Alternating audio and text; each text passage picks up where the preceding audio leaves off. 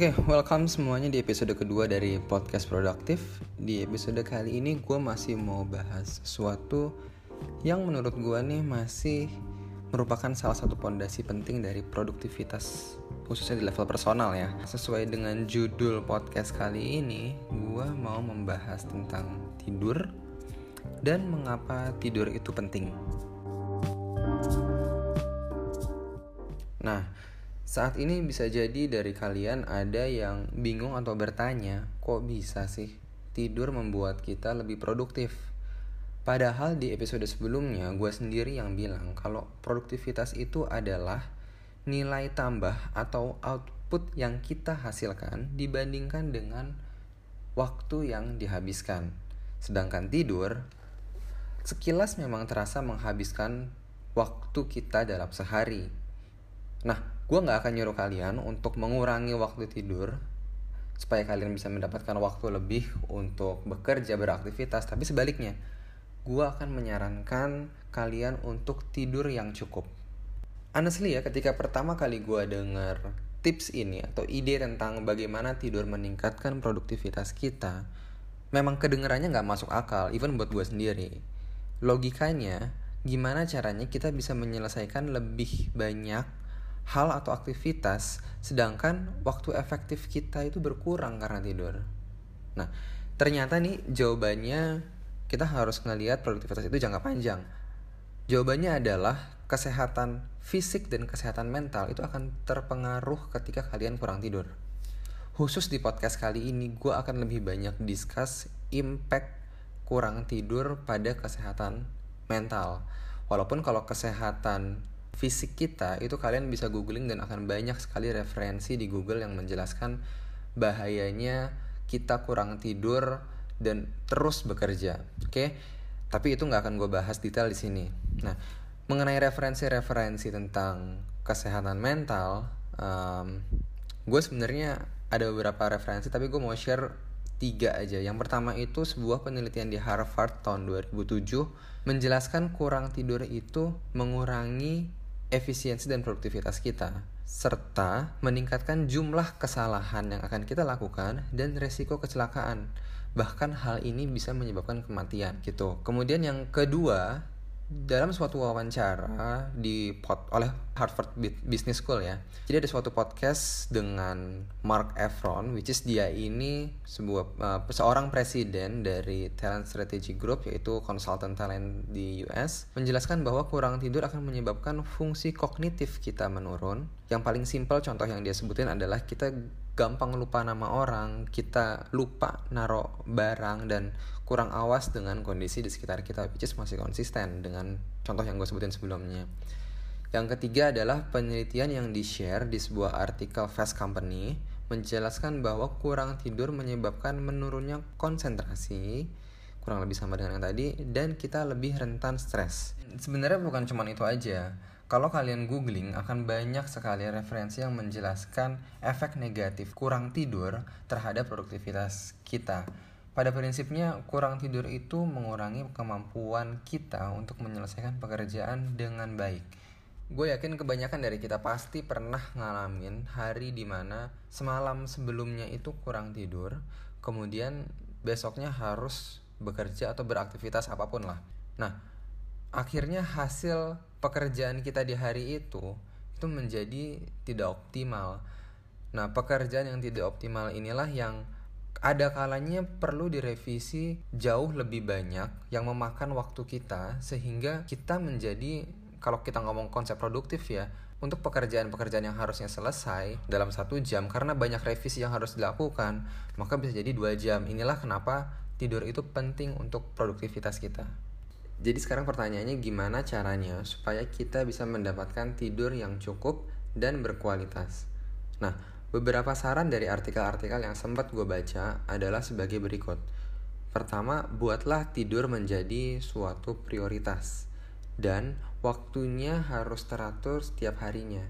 Jadi jangan kadang kalian tidur cepat, kadang tidurnya terlambat, kadang bangunnya sangat pagi, kadang bangunnya kesiangan atau terlambat jadi kalian harus bikin suatu jadwal dan disiplin mengikuti jadwal yang udah kalian tentukan.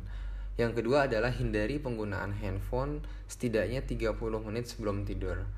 Dan ini bukan cuma handphone tapi uh, komputer, laptop, uh, tablet, TV, intinya semua barang elektronik yang mengeluarkan cahaya itu matikan 30 menit sebelum tidur. Yang paling gampang adalah kalau kalian pakai iPhone itu kalian bisa set down time atau bedtime sebagai reminder kalian atau yang paling lebih simpel lagi buat alarm 30 menit sebelum jadwal kalian tidur. Ketiga, buatlah rutinitas sebelum tidur. Misalnya menulis jurnal, membaca buku, berdoa. Kalau kalian bikin to-do listnya di buku, kalian review to-do list kalian untuk hari esok. Karena hal-hal ini bisa memberikan perasaan tenang ketika kita mau tidur. Dan keempat, buat tempat tidur kita itu nyaman. Misalnya ruangan kita tidur itu nyaman. Misalnya dengan mematikan lampu, merapikan tempat tidur, kita set AC kamar kita di suhu yang nyaman untuk tubuh kita. Dan bila memungkinkan kalian carilah kasur yang kalian nyaman tidur di situ, bantal guling yang baik. Kenapa? Karena kalian akan menghabiskan at least 6 sampai 8 jam hidup kalian di atas kasur. So, kenapa nggak nyari sesuatu yang nyaman? bisa paham sih kalau ide ini atau saran ini tidak bisa diimplementasikan gitu aja ke semua orang karena bisa jadi beberapa dari kalian memiliki pekerjaan yang memang menyulitkan untuk bisa tidur cukup dan teratur. Misalnya pekerjaan kalian menuntut travel time yang sering dan tidak menentu. Kadang kalian ada flight pagi, kadang flightnya baru nyampe di tempat tujuan malam atau bahkan kalian pergian jauh gitu ya yang yang mengganggu ritme waktu tidur kalian atau ada juga yang bekerjanya shift alias tidak menentu kadang harus shift pagi mungkin bisa berubah jadi shift malam shift sore itu juga agak menyulitkan atau ada kalanya memang pekerjaan kita menuntut untuk bisa menyelesaikan tugas-tugas itu dalam waktu yang sangat terbatas. Kita nggak pernah tahu hal-hal seperti itu. Dan selain pekerjaan, lingkungan sosial juga bisa mempengaruhi jadwal waktu tidur kita. Misal nih kadang kita ada acara dengan keluarga dan teman. Jadi kalian harus bikin suatu jadwal dan disiplin mengikuti jadwal yang udah kalian tentukan.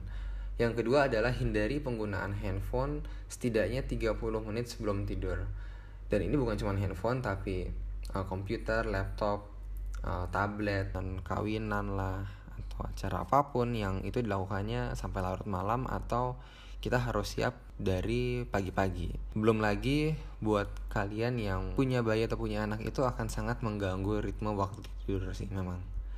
Tapi prinsipnya gini, balik lagi semua ke prioritas kita ya. Seberapa pentingnya kita menilai waktu tidur kita itu dibandingkan dengan pekerjaan atau aktivitas apa pun yang kita lakukan. Kalau memang itu lebih penting, so ada kalanya memang tidur menjadi second priority dan itu fine sih.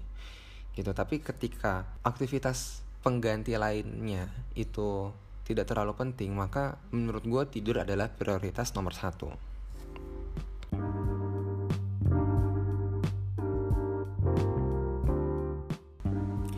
Jadi kesimpulan untuk podcast kali ini adalah jangan meremehkan waktu tidur dan kualitas tidur kita. Karena kurang tidur bisa menyebabkan fungsi kognitif menurun dan sulit untuk konsentrasi. Jadi kalau kita kurang tidur, maka pekerjaan-pekerjaan atau aktivitas yang kita lakukan keesokan harinya berpotensi hasilnya tidak maksimal. Nah, hasil yang tidak maksimal inilah yang biasanya menghabiskan waktu kita jauh lebih banyak karena kita perlu melakukan koreksi ataupun revisi atau as simple as value yang dihasilkan itu tidak uh, semaksimal kalau kita cukup istirahat di malam sebelumnya. So itu aja yang bisa gue share di podcast kali ini. Semoga bermanfaat untuk kalian. Akhir kata, thank you for listening to podcast produktif. See you di podcast selanjutnya. Bye.